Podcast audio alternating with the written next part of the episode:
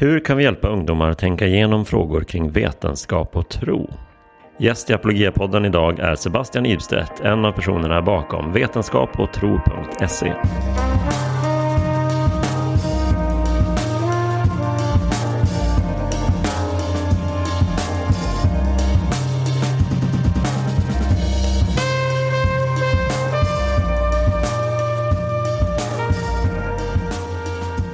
Välkommen tillbaka till Apologia-podden. Jag heter Martin Helgesson och eh, idag ska vi prata vetenskap och tro.se.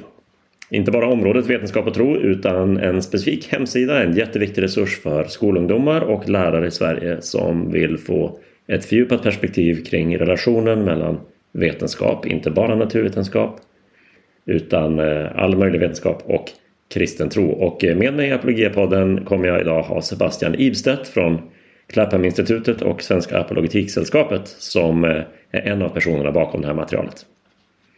Det här ser ut att bli det sista eller ett av de sista avsnitten av Apologia-podden innan ett litet sommaruppehåll. Men vi kommer att eh, skicka ut material från online-evenemang, Apologia Live och eh, även från vår YouTube-kanal som poddavsnitt under sommaren för att ge er något att lyssna på. Som vanligt kan du mejla frågor och synpunkter till podd.apologia.se. Här kommer mitt samtal med Sebastian Ibstedt.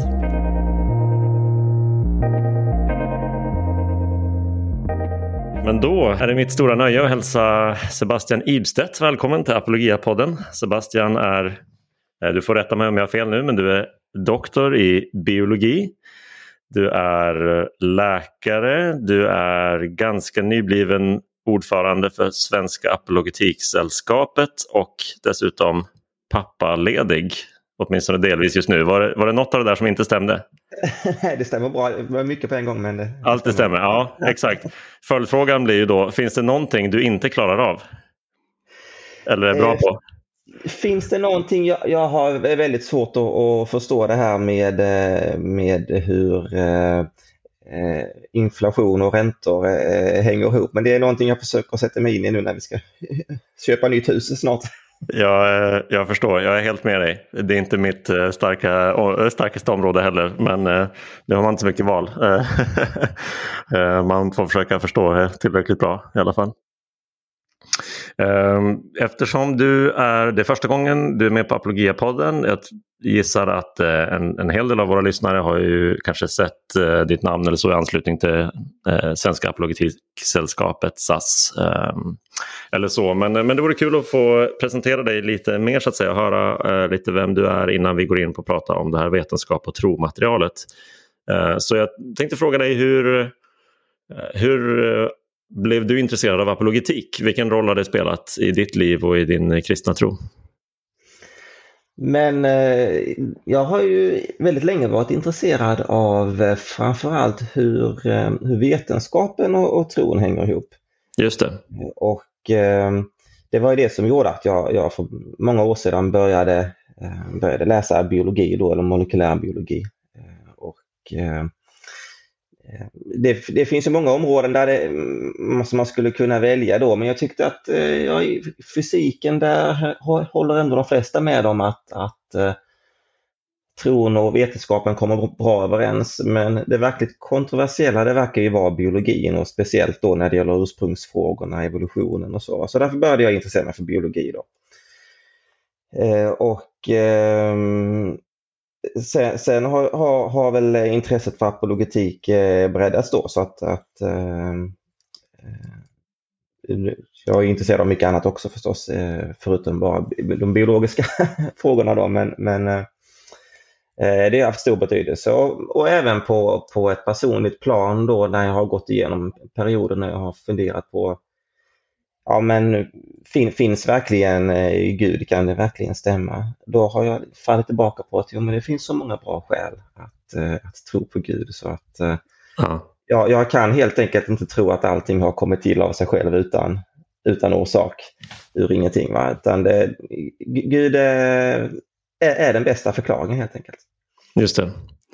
Det skulle kräva ännu mer tro som en del ja har, har beskrivit det. Eh, att, att tro att allting har kommit till utan Guds inblandning eller utan ja, att det finns en Gud. Inte, så stor tro har jag inte utan, utan uh, Gud verkar vara den bästa förklaringen helt enkelt. Hur, du nämnde att, att det var molekylär biologi du ägnade dig åt. Mm. Vill du berätta någonting om vad, vad din forskning har liksom, ja, vad har den eh, handlat om? Och har det varit saker specifikt i det du ägnat dig åt där som eh, har haft någon typ av bäring på på din tro eller på apologetik, hur du skulle förklara eller kommunicera kristen tro så att säga, utifrån det du har lärt dig i, i ditt fält? Ja, jag, jag eh, forskade ju inom ehm, eh, gästgenetik då kan man säga, eh, inom mikrobiologi. Och Ehm, eh, tittade dels på eh, hur proteinstrukturer eh, påverkas i tredimensionella strukturen på, på, på protein och hur det påverkas i olika sammanhang när man, när man utsätter celler för, för olika former av, av gift och sådär då. Va? Och eh, så var det en del evolutionsbiologi också där jag undersökte hur eh, Eh, man, man, kan förklara eh, eh, cellens olika system för att väcka eh, proteiner eh, med hjälp av naturligt urval och genetisk drift och sådär. Och det som eh, om man ska hitta någon, någon apologetisk koppling här då så är det väl framförallt hur oerhört komplicerad cellen är och att man verkligen får en känsla av att eh, det finns en, en, en tanke och ett, ett uh, syfte bakom allting för det hänger samman på ett så, så fantastiskt sätt. Ja. Hur, hur cellerna fungerar. Eh, så det, det jag har, har, slagit mig många gånger när jag har, har eh, liksom hållit på eh, med detta. Då. Um, och sen så, nej, sen började jag läsa medicin och efter att jag hade hållit på att forska i några år och eh, fick eh, min, min läkarlegitimation i, i vintras. Då. Just det. Eh, och även där är det ju väldigt slående hur fantastisk kroppen är. Och, mm. det, när, när man liksom tittar på, på hur, ett, hur ett foster blir till så, så är det ju helt otroligt att det inte blir, blir fel varenda gång. Eller hur? Ja. Det har jag tänkt varje gång vi har eh, vi har fått något av våra tre barn, eh, att det fungerar överhuvudtaget. Ja, ja. ja det är helt otroligt. Det finns en, ehm, ja på nivån av intuition så att säga, så finns det en otroligt stark förundran där som är svår att, eh, svår att väja eh, för och värja sig mot tror jag. För väldigt många människor, inte bara de som faktiskt har en kristen världsbild, men många andra tror jag, det är ett av de ögonblicken där på något sätt förundran över livet och nästan någon form av transcendens liksom, Eh, ja, ja. gör sig påmind. Ja, precis, och det behöver man förstås inte vara läkare för att se det fantastiska i, i den processen. Nej, Nej, men precis. Även om du, du kan detaljerna lite bättre då än äh, de flesta av oss andra. Um, hur, eh, hur har ditt eget engagemang i apologetik sett ut? Vad, hur, har det liksom, hur har du hittat kanaler för det och sådär? Jag menar, någonting om eh, kul att höra någonting om Svenska Apologetiksällskapet men även om du gör saker eh, i ramarna för din lokala församling eller något sånt där. Ja, ja. ja men precis. Um, ja, jag har, jag har blivit lite involverad i Svenska Apologetiksällskapet och eh, är ordförande där nu sedan en, en liten tid tillbaka. Eh, och det är kan man säga ett, ett nätverk för eh, um, apologetikintresserade eh, kristna Eh, så eh, vi ordnar en del eh, online-debatter. Vi har en eh, blogg som är ganska aktiv. Vi har ett, ett online community på, på, på Facebook som är, som är väldigt aktivt. Där, Precis. Där man kan, kan diskutera och, och fråga kring apologetik. Och är den gruppen öppen så att om man är intresserad så kan man gå med eller hur funkar ja, det? Ja, den är öppen. Man, man kan gå med där om, om, man tycker att det här är intressant. Eh, det, är, det är väl drygt, drygt en tusen medlemmar och eh, ganska många som är aktiva där då och, och eh, diskuterar. Eh, sen förutom Svenska Apologetiksällskapet så är jag engagerad i någonting som heter Klapphamninstitutet som också är en, en, eh, till, till viss del i alla fall en apologetisk eh, organisation då, som ger ut olika rapporter som har apologetisk anknytning. Eh, och sen i termer, när det gäller då apologia så har jag varit inblandad i lite olika bokprojekt, då, bland annat det här eh, eh när boken om skapelse och evolution. Då. Ja precis, fyra, fyra kristna ja. diskuterar. Eh, där, där bidrog du med ett kapitel. Ja, ja. Eh, så det är lite olika eh, sammanhang då som jag eh, dyker upp kan man säga. Ja, Ja, men det är väldigt roligt att se och jag måste säga att jag är väldigt glad för, för det du gör, hur du, eh, vad du har skrivit och eh, eh, på andra sätt vad du eh, bidrar till. Eh, med väldigt, eh, uppen, eh, såklart, väldigt väl informerat perspektiv från när det kommer till vetenskap och tro. som, som någon som verkligen har praktiserat forskning och allt annat. Sånt märks ju när det inte bara är... Det finns, tänker jag, det finns utrymme för apologeter som är lite generalister men det finns ett stort behov av apologeter som har spetskompetens också. Eh, och kristna som har spetskompetens inom ett visst område och kan ge inifrån perspektivet, som kan terminologin, kan litteraturen och sådär. Eh, så det är väldigt glad för, eh, för det du gör. Ja, just det. Eh, och, och, och, och, sen så, eh, ja du nämnde ju församlingen där. Vi, vi är ju med i en, eh, jag min fru och min, min, min dotter då, så är med i en eh, pingstkyrka i Malmö som heter Centrumkyrkan. Och där, vi är ganska nya i kyrkan därför vi är nyinflyttade i Malmö men, men vi försöker få igång lite apologetiskt arbete där och nu till hösten så har vi bjudit in dig Martin till Precis. ett samtal om, om apologetik för eh, småbarnsföräldrar. Då. Ja.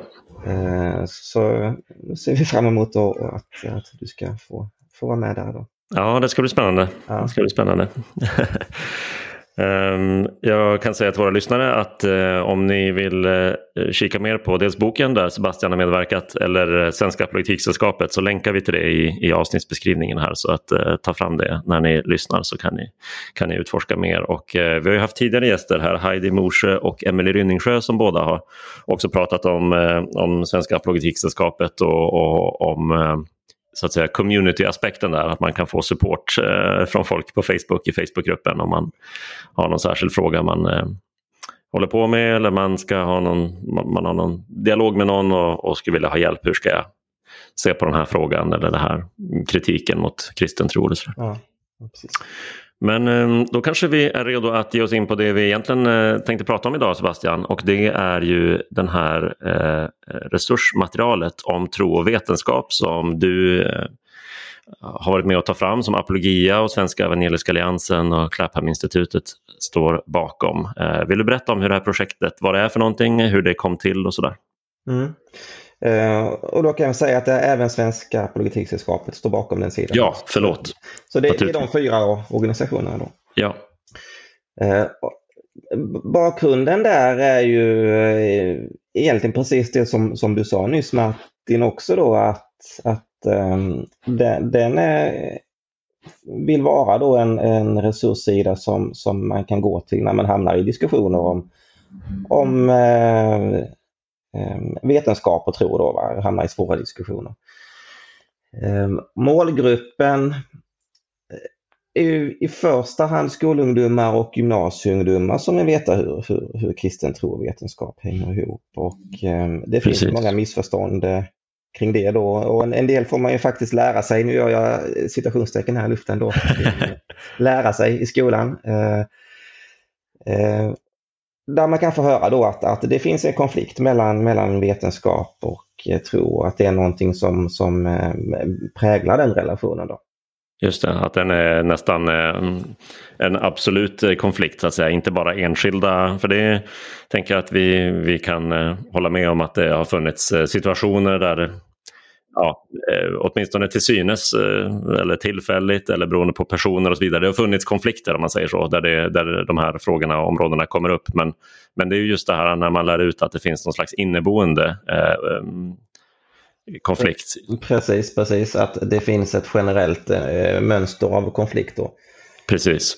Ehm, och, och det, har, det har ju kommit eh, några rapporter då, en, en från Sveriges kristna råd och en från Clapham-institutet då som visar att många kristna ungdomar eh, känner sig kränkta i skolan då, ofta Precis. från, från, eh, från lärare. Um, då med anledning av att, att um, man tänker då att det skulle finnas en sån här konflikt och då kan man få höra då eh, dumförklarande saker då som att smarta människor tror på vetenskap och korkade människor tror på Gud och så vidare. Då. Um, eller nu, nu tror man, förr trodde man på Gud och nu, nu har vi Big Bang och evolution och så nu behöver vi inte Gud längre. Och så. Ja, den är väldigt typisk att, det, att man har den där, det kronologiska perspektivet på något ja, sätt. Att ja, ja, gudstron har spelat ut sin roll. Ja, och, och, och då, då, då vill den här sidan då vara ett, ett, ett, ehm, en, en, någonting som man kan vända sig till för att, att eh, få stöd i de här samtalen. Då. Men även förstås någonting som lärare kan använda sig av då, framförallt lärare inom, inom naturvetenskap och religionskunskap som, som kommer i kontakt med de här ämnena då. Um, I vetenskapshistoria, idéhistoria och, och religionsfilosofi och, och, frågor om livets uppkomst och biologisk utveckling och så. Då. Där, Eh, där tror jag att det finns eh, en del eh,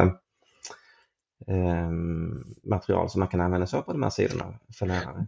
Det är ju väldigt roligt att ni har en sån bredd av ämnen tänker jag. När man kollar på bara i menyn på, på eh, hemsidan här eh, och adressen eh, hittar ni i beskrivningen såklart. Den är vetenskap och tro.se men där, där, finns det då en översikt över olika teman. Det finns trovetande, vetenskapens kristna rötter, myter om vetenskap och tro, bibeln och vetenskapen. Mm. Såklart en del natur, specifikt naturvetenskapliga och sen kommer hjärnan och själen och och även en, en sida om svenska läromedel. Så ni har ju fått till en väldigt bredd där. Men mm. Eh, jag tänkte på det, du nämnde ju i, i början här om din erfarenhet eller innan du gav dig in i, i, i din egen forskning att den här skillnaden mellan hur man inom fysiken tycks vara mer öppen för att eh, ja, fysik och, och gudstro de är förenliga med varandra. Och så i biologin finns det en helt annan typ av konflikttänkande. Vad tror du det beror på? Jag tror att eh, inom fysiken så befinner man sig ju ofta i, i eh, vetenskapens eh, utmarker så att säga, gränsen för vad vetenskapen eh, eh, kan undersöka då. Till exempel när det gäller universums uppkomst eller de allra minsta beståndsdelarna eller så. Då. Eh, inom, inom biologin så ehm, är det inte riktigt på samma sätt och där, där finns också en, en tradition eh, av att man, man, man tänker att eh, eh, evolutionen har ersatt tanken på en, eh, på en skapare. Eh, och det här konfliktperspektivet är mycket starkare inom, inom biologin. Samtidigt så är min personliga erfarenhet att pratar man med, eh, med biologer, med evolutionsbiologer så, så är de flesta eh, väldigt intresserade av de här frågorna. Av, okay. om, om, om Gud och så. Men, men i den offentliga debatten så, så är det ett lite eh, hårdare eh, samtalsklimat där. Just det. Det är intressant det där det du säger om vetenskapens gränser. Jag tänker mig att även bara en sån ett sådant begrepp som vetenskapens gränser eh, tänker jag vissa skulle värja sig mot. Möjligen, eh, inte jag själv såklart, men, men just alltså, man ser ibland den här övertron på vetenskap. Jag undrar om det ligger något i det du säger just att eh, för, verkar man inom fysiken så är det man är så nära de där gränserna att de, de är liksom uppenbara på ett sätt som ja, de kanske inte ja. är om man verkar i andra fält på samma ja, sätt. Ja. Nej men precis. Eh, men bara att definiera eh, vad vetenskap är för någonting och fråga sig om vetenskapen har en gräns. Eh, bara där måste man ju gå utanför vetenskapen. För att Exakt. Ställa den frågan. En sån, sån viktig, till synes enkel men så otroligt viktig och grundläggande fråga. Ja, ja. Nej, så att det, det, är ju, det, är ju, det är ju alldeles uppenbart. Ja, jag tror att för, för det mesta så, så behöver vi inte eh, oroa oss så mycket för att det ska uppstå konflikter därför att eh, huvudinriktningen på, på vetenskapen och på, på religionen är ju lite olika. Där vetenskapen undersöker hur-frågan och, och religionen undersöker varför och varifrån frågorna. Eh, men, men till viss del så hänger ju hur, hur-frågan också samman med varför-frågan och, och eh, den kristna tron svarar också till viss del på hur, hur-frågan. Så att det finns ändå en viss, visst område där de eh, teoretiskt sett skulle kunna hamna i konflikt och där de har gjort det i, i eh, enstaka fall också. Men det poängen med, med, med den här sidan och det som vi vill visa då är att det är inte det allmänna mönstret att det har funnits konflikter utan snarare eh, så, så är den kristna tron och vetenskapen, de har varit goda vänner om man tittar historiskt och tittar man även i, i eh, diskussionerna idag till exempel i frågan om hjärnan och själen och i, om, om evolution och Big Bang och så vidare så eh, eh kommer kommer den kristna tron eh, bra överens med vetenskapen när man respekterar eh, vetenskapens gränser och även den kristna trons eh, gränser och religionsgränser. Mm.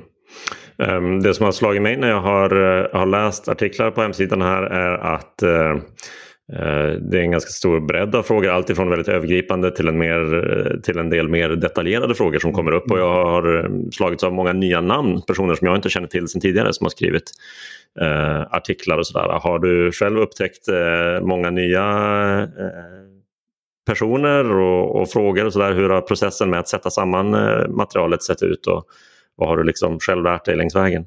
Ja, det, det, den senaste artikeln kom upp igår och handlar om kristen tro och eh, ekonomisk vetenskap.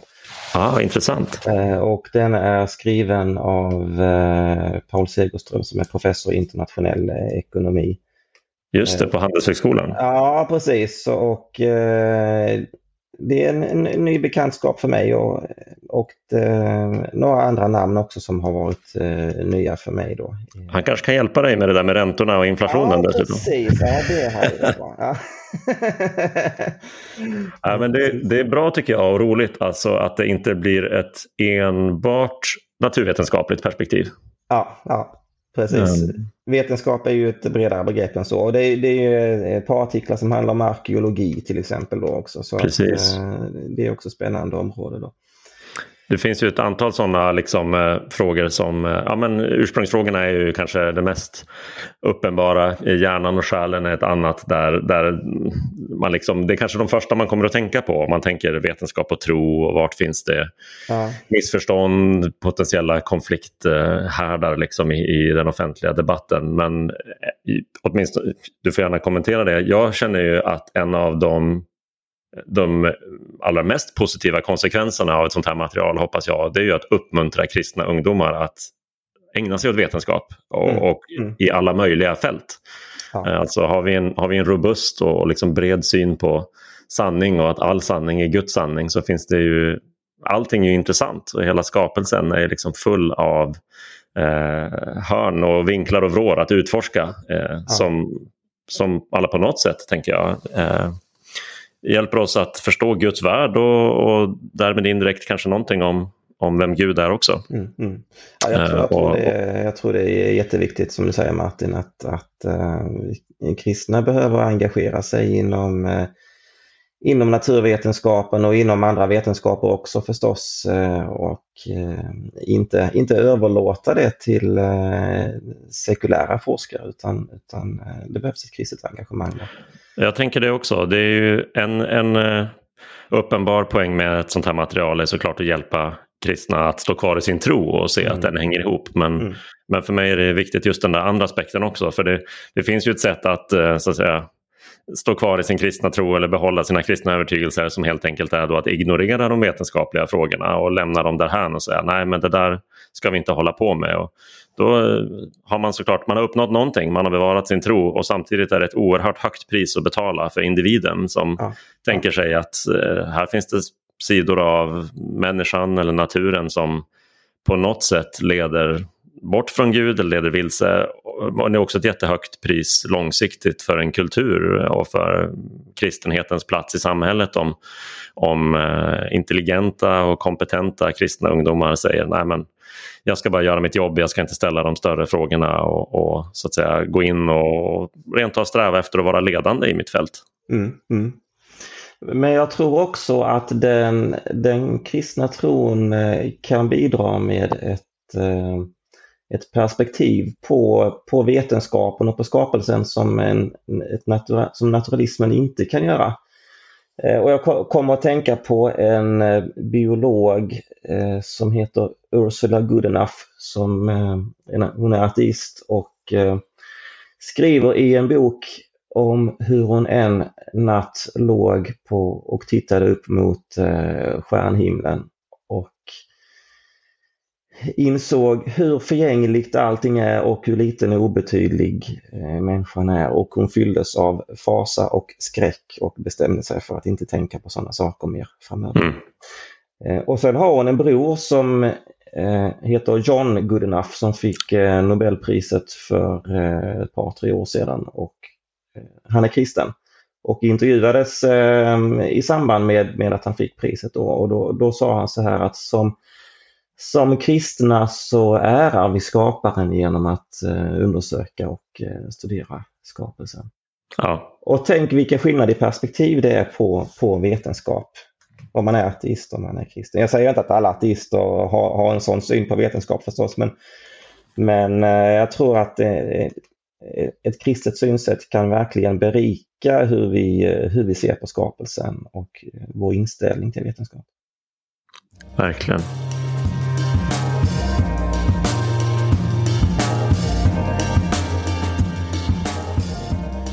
Du har ju eh, då varit med och drivit eh, det här projektet och, och sådär från eh, under en längre tid Sebastian. Men eh, du har väl också bidragit med konkreta texter tänker jag mig. Så vill du berätta någonting om vad du själv har, har skrivit och, och, publicerat på den här sidan? Ja, jag, jag har framförallt skrivit om eh, området då eh, naturvetenskap och kristen tro och om eh, skapelse och evolution inom de två områdena. Då. Just det. Um, och det, det, är ju, det är ju det som jag har intresserat mig för framförallt då, så att det blev rätt så naturligt. Att, mm. Um, när du säger då skapelse evolution, det är ju uppenbart för, för alla egentligen som närmar sig frågan och vi har själva exemplifierat det i Apologia med vår bok med fyra olika synsätt som får brytas mot varandra. Sådär att skapelse evolution, där finns det ju internt bland kristna ingen riktig konsensus eh, så att säga. Hur relaterar man eh, Bibelns beskrivningar av skapelsen till eh, naturvetenskapens olika eh, modeller och så. Eh, hur hanterar ni det i ett sånt här material? Att det finns så vitt skilda synsätt och inte bara så att säga igen då, även bland kristna här så, så kan det bli ganska högt tonläge emellanåt. Mm. Det är kontroversiellt och så vidare. Hur, hur löser ni det på en sån här sida? Ja, precis. Jo, men, jo, och det märks ju i den här boken som du säger att det finns olika åsikter och eh, jag, jag har ju min åsikt förstås eh, om hur det har gått till, eh, även om den också eh, formas efter, efterhand som man, som man sätter sig djupare in i de här frågorna. Men, men eh, målsättningen med den här sidan är ju att eh, framförallt belysa sånt där, där eh, alla kristna kan vara mer eller mindre överens. Men Ehm, samtidigt så vore det ju eh, eh, en brist om vi inte skulle ta upp det här med skapelse och evolution. Då. Så det, det, den frågan måste vi hantera på något sätt. Då. Och eh, då har vi valt att, att försöka skriva det på ett så eh, sätt som ändå de flesta kristna kan, kan, eh, kan hålla med om. Eh, och eh, när det finns olika tolkningar som till exempel hur man ska tolka skapelseberättelsen så, så har vi valt att lyfta fram ehm, de olika varianter som står till buds. Inte alla möjliga tolkningsvarianter men några av dem som finns då. Ehm, så till exempel har jag skrivit en artikel om hur skapelseberättelsen ska tolkas där jag ehm, ta fram tio olika tolkningsvarianter då som, som kristna har av skapelseberättelsen. Det känns ju ändå som tillräckligt många tänker jag. Ja, ja, ja det, det finns ännu fler men, men det Säkert, är kanske de tio, tio, vanligaste då i alla fall. Ja. Um, och um, Sen när det gäller de, de här artiklarna så, så, så, har vi författare med olika uppfattningar om, om uh, i, de, i de här frågorna. Vi har författare som, som eh, accepterar eh, stora delar av, av eh, den, den biologiska evolutionsteorin och vi har andra författare som inte gör det. Och, eh, vi har haft en, en dialog eh, mellan de här olika författarna. Jag har fått eh, synpunkter på mina texter och modifierat dem efterhand. Så att det här är någonting som vi försöker hitta en, en balans där. Mm. där eh, som vi alla kan, kan, kan vara överens om. Då. Men som sagt, målsättningen är ju inte att, att, att argumentera för eller emot evolutionen men det blir ju onekligen så till exempel i, ja, i vissa artiklar då att, att eh, det kanske blir en fokus åt ena eller andra hållet och då, då ligger det en liten disclaimer att det här är, det här är författarens eh, uppfattning och sen kan olika författare eh, tänka Precis. Så, så det, det är så valt att göra. Och det tänker jag personligen är ju ett kanonbra sätt att eh, så att säga att, eh, att ge ett exempel, vara en modell av hur ett sunt, eh, både vetenskapligt och mm, så att säga kristet och teologiskt förhållningssätt till olika frågor och till varandras olika eh, åsikter och, och, förklaringsmodeller ser ut då. Att man visar upp att här, det här är inte ett eh, område där man måste vara där man ska liksom rusa in i olika typer av dogmatiska positioner utan där man kan prova eh, olika förklaringar och argumentera för och emot och söka mm. sanningen. Ja, ja och, och, det, är ju, det är ju som inom all vetenskap och även inom all teologi att, att man måste kunna bryta olika uppfattningar mot varandra. Verkligen. Jag kan ju då, eh, vi ska, vi ska avrunda här så jag tänker att jag vill skicka med en utmaning till er lyssnare. Och den utmaningen är så här då att skriv in vetenskap och tro.se i er webbläsare. Eh, och så kan ni titta på dels de stora bilderna som är det första man ser men eh, om inte det räcker så scrolla ner en liten bit så hittar ni ett taggmoln med olika namn och nyckelbegrepp från artiklarna som finns i den här i, i det här resursmaterialet och jag utmanar er att spendera mer än 30 sekunder med att eh, ögna det här taggmolnet utan att hitta något som ni vill och behöver lära er mer om. Jag tror inte ni, tror inte ni fixar det. Det finns så mycket kul man, eh, man kan eh, klicka på och eh, potentiellt fastna, fastna i en eftermiddag på kontoret här. Ja, verkligen.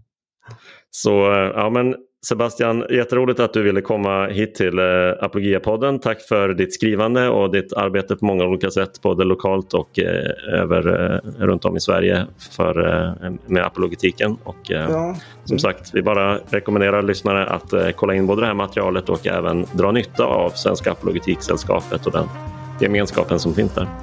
Ja, ja men tack Martin för att jag fick vara med. Väldigt kul.